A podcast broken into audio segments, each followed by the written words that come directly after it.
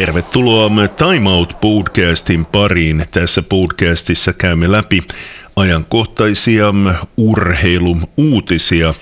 Studiossa ovat Radio Vaasan Anssi Marttinen sekä Vaasabladetin Joona Nyström.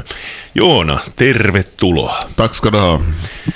Tänään puhutaan paljon Vaasan sportista ja tekin olette Vaasabladetissa paljon aiheesta kirjoittanut.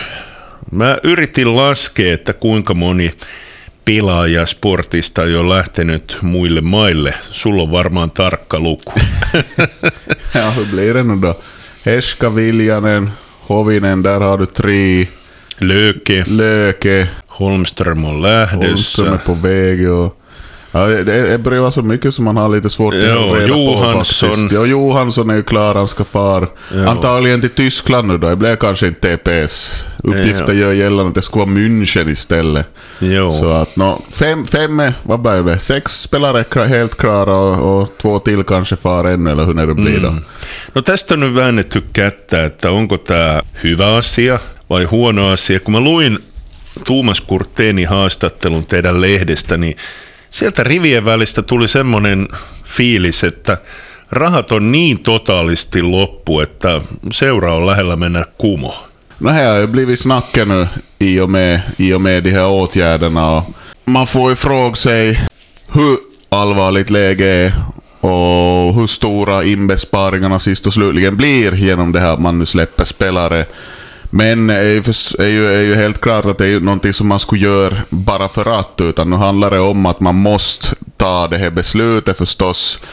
Och sen vet man ju inte heller liksom, har man redan lagt ut pengar, öronmärkt pengar för olika satsningar för nästa säsong till exempel så har ju Sport gjort klart med en ny sportchef nu också. En ny sportchef ska ju förstås ha lön och så bara en sån sak till att börja med. Så att det, finns många, många rörliga element här som man ska ta i beaktande. Sä otit ton urheilujohtajan tuossa esille, niin vielä kun mä muistan, niin mä kysyn, että tuleeko urheilujohtaja ulkopuolelta vai onko hän Filip Riska? I alla fall så, enligt, enligt det här Ilkka Pohjalainens uppgifter så är det inte den här Tuomas Tuokkola som jag varit prat om. Eh, sen så hade vi ju det här supporterföreningen Red Armis pressmeddelande igår där de hänvisar till att toppkunnande kommer att ta sport vidare i den här utvecklingsprocessen och, och då undrar man ju att jag är en direkt det här referens till vem som kommer att ta över som sportchef. Det skulle vara intressant förstås om Filip Riska skulle redan i det här skedet kliva in i en sån roll efter att han just blev invald i styrelsen och jobbar på men det kan ju också bra hända att det är någon namn utifrån. No mitä mieltä saat tästä tyhjennysmyynnistä? Tämä on jakanut aika lailla niin kuin rivit kahtia, eli toiset on sitä mieltä, että tämä on täyttä piip, ja toisten mielestä tämä on ainut keino tehdä säästöjä. Mitä on sun mielipide? Till att med så kan jag ju tycka att det är lite intressant att det blir ett sån uppståndelse kring det här, för jag menar, är ju inte första året, första Niin, säsongen som ligan är mutta, stängd. joo, mutta onko ikinä mikään joukkue tyhjentänyt näin pahasti joukkuetta? Nå jämför nu med Saipa den här säsongen. Nu har de Montako Saipa on nu har pistänyt de väl släppt fem spelare det nu. Ja. Bara två utlandsförstärkningar och sin första center och sådär. Alltså inte det är så stor skillnad skulle jag säga. Och det är väl kanske också här att, att sport går ut så tydligt och klart med, med det här pressmeddelandet och, och, och säger rakt av att nej men nu gör vi så här istället för att kanske nu släppa en spelare här och en där och låta gå på det viset. Sen är ju det här andra som folk som har lyft så mycket som argument är hur nära sport har varit slutspel och visst, eh, vid det läget nu på, på lördagen så var det fortfarande nio poäng. Två matcher mindre spelare jämfört med HPK. Men å andra sidan så såg man matchen mot Jukurit då, då de förlorade. Jukurit hade bort hälften av sina anfallare. Sportis kom inte alls upp i, i sin nivå i matchen. Såg ut som ett lag som har liksom bränt det bästa krutet jag har och så denna. Och sen måste man ändå också se på det programmet som Sport hade kvar vid det skedet. Tappara, Hilves, Lukko, väldigt svåra matcher. Så att är nu kanske inte så svartvitt som, som målas upp he, hela tiden skulle jag säga. Tyhjennysmyynnin jälkeen Sportin eka ottelu oli Ilvestä vastaan, päättyi 5-1. Laukaukset 57-23. Tätäkö tämä on nyt loppukausi? Ja, no, kanske nu liksom kan bli lite bättre än så ännu om man tänker på att det blev väldigt snabba tvära kast där i laget. Kom in tre debutanter till exempel. William Nieminen då, Kim Nieminen och den här Vili Laitinen. Två lånespelare från Lukko en värvning som är Nemos pojk. Stanley Cup-mästaren. Så att nu ska de säkert kunna bjuda till lite bättre och var förstås lite bortfall hade de också utöver de spelarna som lämnade. De skada på Jesse Paukku, och Asplund var bort. Så. Men vi får nu se, alltså man skulle ju hoppas att kanske fler juniorer får chansen nu då under slutet av säsongen då liksom har använts som ett, en sak som för till slet över lite det hända. Nu fanns ju med två stycken där och det var de här slovenpojkarna då, Povse och Masic. Joo, mä pohdin sitä, että ei tämä nyt tämä systeemi sinällään niin kuin ole kovin toimiva, jos meidän pitää sitten niin kuin lainata muista seuroista näitä nuoria pelaajia. Ja, no det var ju förstås en kort, kortsiktig mm. lösning att de kommer in för två matcher, de här Lukko-pojkarna då. Att, att den här William Nieminen sen då, så han har ju skrivit på ett kontrakt för ett plus ett, så där, där tänker man framåt med honom då. Hade lite av en flopp i Tappara och kom inte riktigt någon vart där, så att det blir en ny start. Och, och där har ju förstås vissa då drar slutsatsen att i och med att han kommer till sport nu så är det pappan som blir nya sportchefen. Men att he, de spekulationerna kanske vill låta vara i det här skedet. No jos pohditaan jo ensikauden joukkuetta, Erinomainen asia oli se, että jo aikaisessa vaiheessa kerrottiin tärkeiden ruotsalaispelaajien jatkosopimuksista. No Emil Johansson, tosi tärkeä palanen, on lähdössä pois. Mitäs nämä lainatut pelaajat, joilla onko Sean Heskala, Niko Hovisella jatkoa enää sportissa? Onko heillä sopimusta enää ensi kaudesta? Jag skulle säga att Heska, Hovinen och Viljanen hade utgående kontrakt så att vi, vi lär väl inte se dem något mer här nu då. Man, man vet ju aldrig förstås vad som händer till exempel med en spelare som Viljanen att han har väl ambitioner till, till kom högre upp och, och går det bra för honom nu i Rögle under slutet av SHL-säsongen så kanske han kan lämna i Sverige och spela. Vilket förstås skulle vara roligt för honom, han är i utlandet för första gången. Så sportsförsvar konstaterar vi ju redan kommer ut i renovera som ganska fullständigt och sen så gäller det ju till bredd, tycker jag framförallt, att, att man får in att man faktiskt har renodlade centrar i laget så det räcker till. Det har varit ett problem att man har haft lite så, no ja, men att den här kan spela som center, men att de här renodlade centrarna för, nu har vi till exempel Turo Asplund som inte någon ung pojk någon mer, han lär inte fortsätta heller, så att då finns han det ena centern då, han heter Axel Holmström. Koiviston on Rel-kaksikosta kerroit, mutta nyt on ollut paljon puhetta, että he eivät tulisikaan. Ja, vi får se om jag får göra en ordentlig nyhetsanko där och kryp till korset. Nej, sun tarvi, ei, ei. Jag får kontemplera direkt avgång på grått papper. Och nej, vi, vi får se, ingenting är ju bekräftat ännu, men nu Senast såg jag till exempel att, att Norell skulle vara aktuell för Örebro i SHL då. Finns lite snack om att, att Koivisto är på väg hem till Finland men inte nödvändigtvis till sport. Men att allting är ju ännu öppet så ännu mm. skriver inte jag någon rättelse på det. Hei, mietitään vielä tätä säästöasiaa. Mulla ei ole hajuakaan, mitä, mitä lätkäpelaajat, esimerkiksi meidän ruotsalaisvahvistukset, voisi tienata kuukaudessa. Mitä, onko sulla minkäänlaista kärryä? Nog, är nog lite svårt i sig. Det är ju förstås, det är ju klart att det tjänar du mer i Finland i någon lagsport än om du spelar i FM-ligan. Så att nu, nu kan man tänka sig att de har ganska bra löner, de här utlandsförstärkningarna. Och så måste man ju tänka sig också att inte skulle ju sport göra den här åtgärden om inte skulle vara en hyfsat substantiell summa de kan spara in på det här viset. Så vad, vad nu har cirkulerat då... Heitetäänkö 100 000 kuukaudessa? No, Riittääkö? Ska vi säga mellan 70 och 100 000 då? Mm. Att den inbesparingen kan vara då. Joo, sitten pohdittiin eh, Mats-niminen kannattaja, jota olitte haastatellut, pohti, että 500-600 vähenee katsojat per ottelu. Mä heitän, että vähenee vähintään tuhannella per ottelu tämän takia.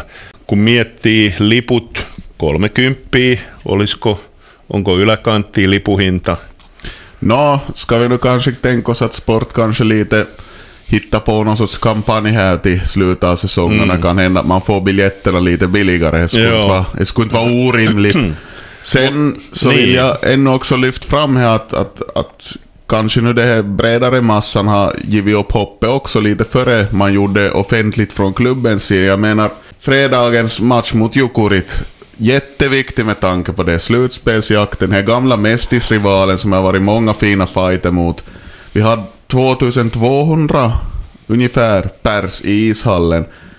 Inte kan man ju som tänka sig att, att sport ska konkurrera med toppklubban i ligan och, och, och klättra upp mot toppskikt om vi har publiksiffror som ligger under 2,5 och dessutom som på en fredagsmatch, en jätteviktig match. Och matchen innan och då Saipa förstås avsåga jumbo, men ändå en viktig match för sport i samma slutspelsjakt.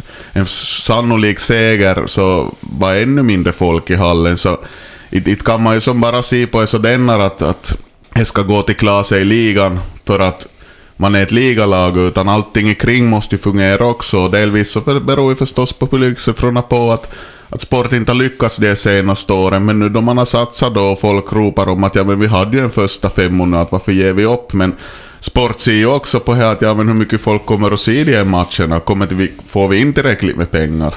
Lähinnä sitä pohdin, että jos tuhannella putoo, niin se säästöt on sitten aika lailla 50-50. ja, är ju förstås en bra poäng, men, men man måste ju anta att, att klubbledningen har tänkt på det här mm. också, att hur mycket hur mycket vinner och förlorar vi på och, och, och återstående hemmamatcher och hur många matcher som var kvar. Eh, uh, är förstås i, i, i stora helheten är rörande heliga graalen till hittande-balansen att vad ställer vi biljettpriserna i relation till hur mycket folk vi kan vänta oss till hallen. Att vad, vad får man det, det maximala nyttan av allt det händer. Och nu hade vi ju ett publikrekord i, i ishallen den här säsongen, men det krävde ju att Sport delade ut gratisbiljetter för att det skulle lyckas. Så att det säger också kanske lite om att hur utmanande det är till få folk till följa den här produkten som sport har. Och det som är kanske den största trösten för sport är det bästa tänkbara är ju just att supporterföreningen Rädda Armen gick ut här på måndagskvällen och sa rakt ut att de ställer sig bakom sport, de tror på sport, de har fått tillräckligt med information av klubben för att de säger att nej men det här kommer att bli bra. Det tycker jag är mest betydande i hela det här sammanhanget just nu. Jag vill ju tro, precis som, som supporterföreningen tror, att det är någonting bra som gror nu faktiskt i ishallen och, och just det här att man lägger tonvikten och poängterar att nu finns det en långsiktig plan, det finns tankar om kontinuitet, det finns tankar om att bygga upp ända från grunden ner från juniorerna och, och det är ju det här som har varit stötestenen och problemet nu i åratal att man har gjort de här punktinsatserna, man har gjort vissa värvningar, man har gjort rekryteringar på tränarpost och så vidare för att försöka snabbt vända på skutan, få upp det här nivån, få upp intresse kring och, och här har ju som liksom gått i cirklar nu. Inte riktigt lyckades än heller fast liksom man fick ihop värva till exempel den här väldigt bra första femman till den här säsongen. Niin, ollaanko tässä nyt menty tosiaan vähän niin kuin liikaa aina kausi kerralla, eikä ole pohdittu pidemmälle? Det är väl nog just det som har hänt och, och, och liksom om man pratar i termer av identitet så är det väl just det som är problemet. Att Sport gick in i ligan, man gjorde sina satsningar, det föll inte ut som man hade velat. Och efter det så har det varit en överlevnadsstrid, att man liksom har kämpat och kämpat och sprattlat för att tillhålla sin trovärdighet i, i den här serien, men någonstans på vägen så har liksom hela den här helhetsbilden lite fallit på slarv. Att man tänker inte på hela vägen upp från styrelserummet och ner till, till juniorerna och, och liksom att det ska genomsyra hela organisationen vad man försöker göra. Då kan man ju inte förvänta sig till exempel att man får in en massa egna juniorer i ligalaget och sådana. Nu de som nu lyftes upp så det var en gyllene generation då som tog fram, där det kom fram många bra spelare, men det är ju som vi konstaterar här någon gång att en spelare av de är kvar i laget nu. Sen det här historiska bronset då i A-juniorligan, Lari Heikkinen, som är från Uleåborg. Time Out Podcastissa on tänään puhuttu lähinnä Vaasan sportista. Ihan lyhyesti tähän loppuun puhutaan Vaasan palloseurasta. Vepsu pelasi Oulussa tasapelin liigakapissa. Kalle Multanen siellä oli puskemassa maalia ja mikä oli sun näkemys tuosta ottelusta vai näiksin?